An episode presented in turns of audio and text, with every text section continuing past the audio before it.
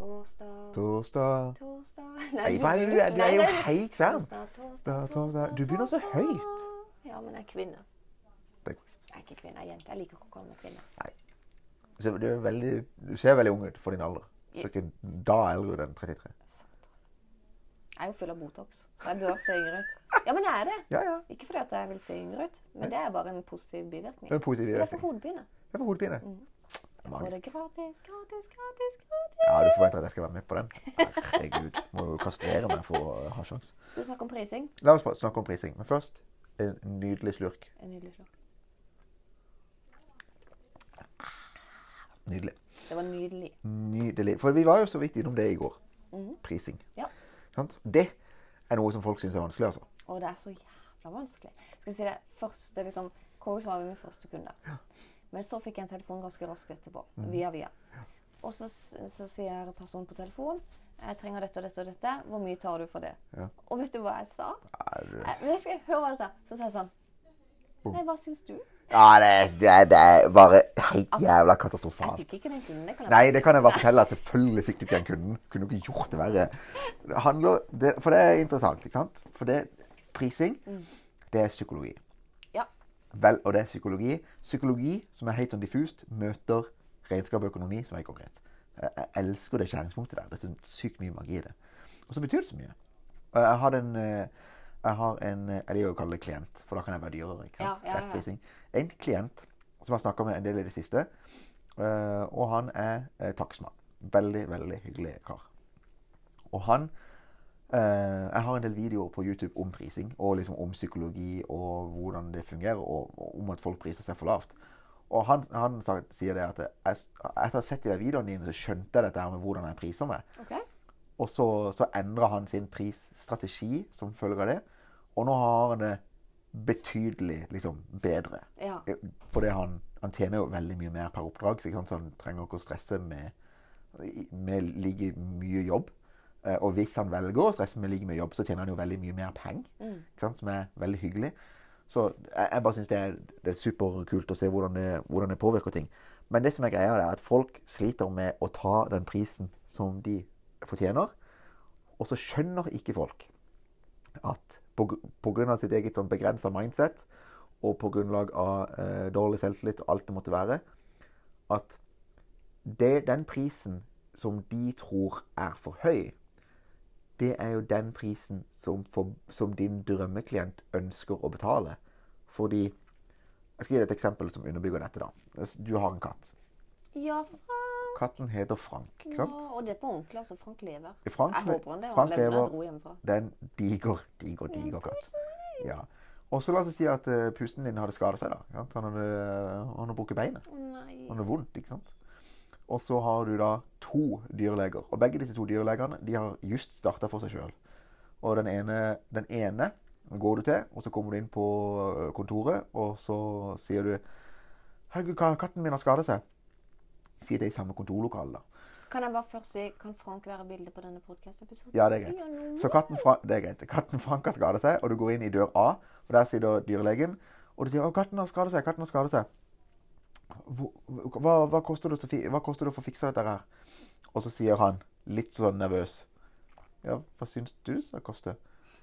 Mm. Og så går du, og så blir du helt sånn perpleks, så går du ut til den andre dyrlegen. Og dyrlegen tar deg imot, og så spør han masse spørsmål om Frank. ok, Hvor, liksom, hvor lenge har du hatt han? Eh, hvordan er aktivitetsnivået hans? Hva var det som skjedde? Er dette vanlig? Er dette sånn? Er dette sånn? Er dette hva jeg pleier? Bla, bla, bla. Og så sier han, basert på det du har sagt nå, så vil jeg anbefale at vi gjør denne operasjonen. Det kommer til å koste 35 000 kroner. Så, hvilken dyrlege velger du? 35. Selvfølgelig. Mm? Du, vel. Jeg vil at pusen min skal bli fiksa. ikke sant? Du vil, og Og det skaper tillit. det skaper tillit. Mm. Og enda dypere enn det. Dette, det, er ingen som, det er veldig få som ser dette om seg sjøl. Men årsaken, blant annet er årsaken til at du sier nå at du hadde valgt dyrlegen til 35, for du vet jo ikke at han er billigere billig ikke hadde gjort en bedre jobb. Nei. Men årsaken til at du sier jeg velger han til 35, det er det at da eliminerer du risikoen for at dersom dette går galt, så har ikke jeg iallfall uh, vært gjerrig. Og jeg, jeg kommer ikke, det er, en, det er ingen risiko for at jeg kommer til å føle meg dum for at jeg valgte det billige alternativet. Ikke sant? Ja. Mennesker har lyst til å velge det dyreste alternativet. Fordi det reduserer og eliminerer risikoen for at de fremstår som en idiot i etterkant.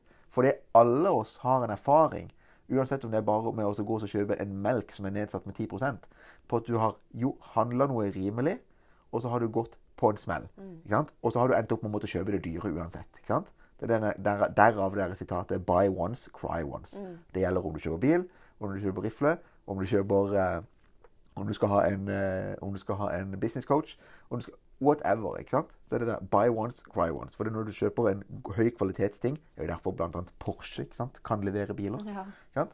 Buy once, cry once. Og når du da velger den dyre leverandøren, så er det sånn Du vet jo ikke at den dyre leverandøren kommer til å levere noe bedre. Han leverer dårligere. ikke sant? Men du kommer i alle fall ikke til å oppleve at du velger den billigste, og at det går dårlig, og at du føler deg som en idiot. Det Det er, er greia. Det, folk, for det når de velger det dyreste, så eliminerer de risikoen for å føle seg dumme. Og da, når du da som ny selvstendig næringsdrivende bare bestemmer deg for å prise deg under all, alle andre, hva er det du gjør for noe? Du gjør det jo ikke noe tiltrekkende Nei. for den riktige kundemassen å velge det. Du gjør det derimot superskummelt. Ikke sant? Du gjør det kjempeskummelt. Så priser heller litt for høyt enn for lavt? Det er mye enklere å gå ned. Ikke sant? For det, da kan du spille på at du kan gi en rabatt, at du kan gi, et, Ja. at du kan gi en pris, at du kan få folk til å føle seg spesielle. Mm. Ikke sant? At du, kan få, at du faktisk kan gi noe. For det, mennesker, altså en menneske liker å gi, så for din del så er det hyggelig. Og mennesker liker å få. Det er også hyggelig. Men hvis du allerede har priser deg der at jeg har, altså, jeg har ingenting å gi, så da har du altså du har ingen anledning til å gi en deal. Og du har, du har gjort det risikabelt å velge det, og du virker ikke tillitsverdig. Det er liksom Hvordan skal man kunne hevde at det er en bra prisstrategi på noe annet enn liksom ting der det ikke er noe risiko? F.eks. det å gå på Kiwi og så kjøpe banan. Da skjønner jeg at okay, det er om å gjøre å få bananen så billig som mulig. Men du som takstmann, du som fotograf, du som psykolog, du som coach, du som uh, markedsfører, du som whatever Du er jo ikke banan. Du er faen ikke banan. Ikke sant? Du er ikke en banan. Og da kan du ikke ha samme prisstrategi som en banan.